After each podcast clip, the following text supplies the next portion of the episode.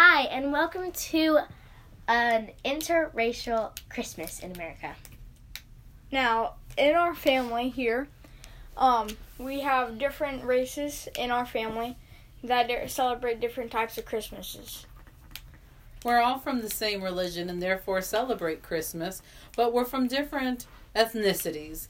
And as we've been marrying our next generation, we've gathered the newest cousins, and they all come from different places and they bring their traditions with them.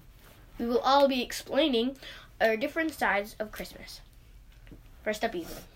All right, so for American Christmases, usually um, you just have a Christmas tree and um, you would like have your stockings, and there'd be this guy named Santa who would come around and drop presents off for you around the world. I'm sure other people have heard of Santa too. Um, so usually on Christmas Eve, a lot of people and a lot of children would be really excited for the next day with Santa coming around.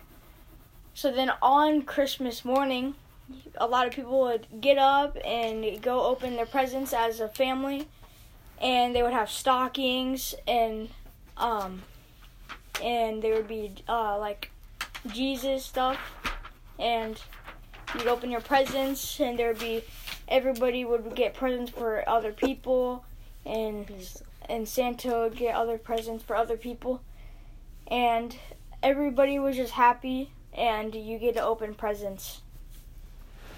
In the Hispanic Christmas celebrations, um, it works a little differently. So instead of Santa Claus, we say baby Jesus is the one that's dropping off the presents for the children on that special night because it's his birthday. Um, we also don't wait till Christmas morning. We can't wait at all. So it's a bit like the the New Year's Eve kind of feel. It's at midnight. We wait till midnight. We have a big party on Christmas Eve called Noche Buena. And that's when all the family gets together. That's when they bring the food, the festivities happen, and everyone parties until midnight, just like New Year's Eve. And at midnight is the big exchange of presents where all the kids will open the presents as described.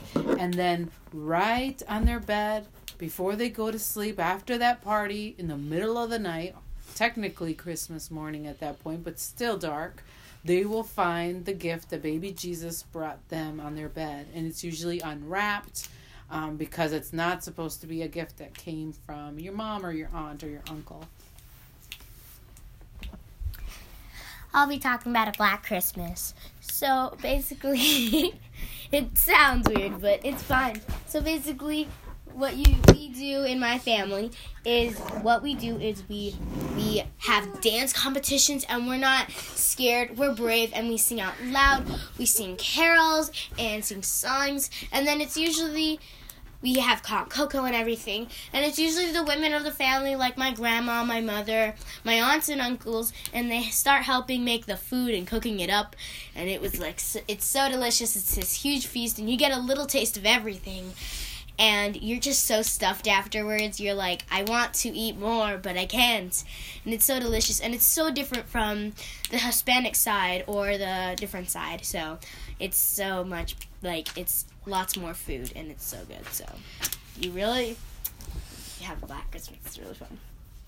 So that was most of the things that would happen uh, for our different ethnicities in our family. What how different people would celebrate their types of Christmases. Now, we are all related, but as people start marrying different people, we introduce more religions and more ethnicities into our family. And we get more traditions and we do more traditions. And it's just a really fun time for everybody to be in the family. Yeah, what we've realized is that instead of having to choose certain values or traditions, we've just added them on. And now our Christmas festivities will go from house to house, and sometimes we're lucky enough to spend more than one day celebrating Christmas so that everyone gets a turn.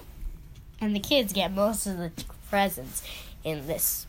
So kids getting presents from all your family members. If you have a huge family like mine or my like the other with the Hispanic one, you'll just have so many presents. I imagine when what last Christmas I had like a million presents. It was so much, and I cherish each and every one of those toys. So that was word from our uh, main provider, Gabby Johnson, her mother, uh, Angie Johnson, and their cousin, Ethan Johnson.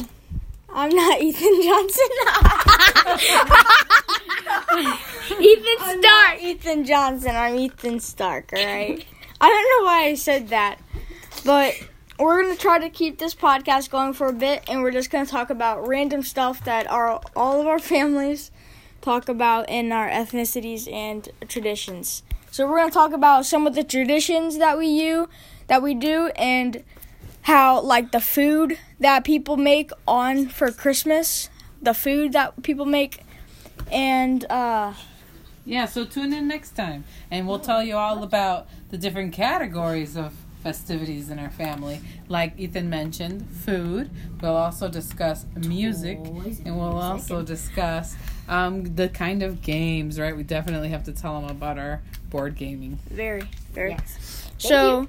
Wait until our next podcast, which will be airing on in literally about like a couple of minutes but we don't want to make this too long. So thanks for listening to our podcast, and we hope that you have a wonderful Christmas. Hello.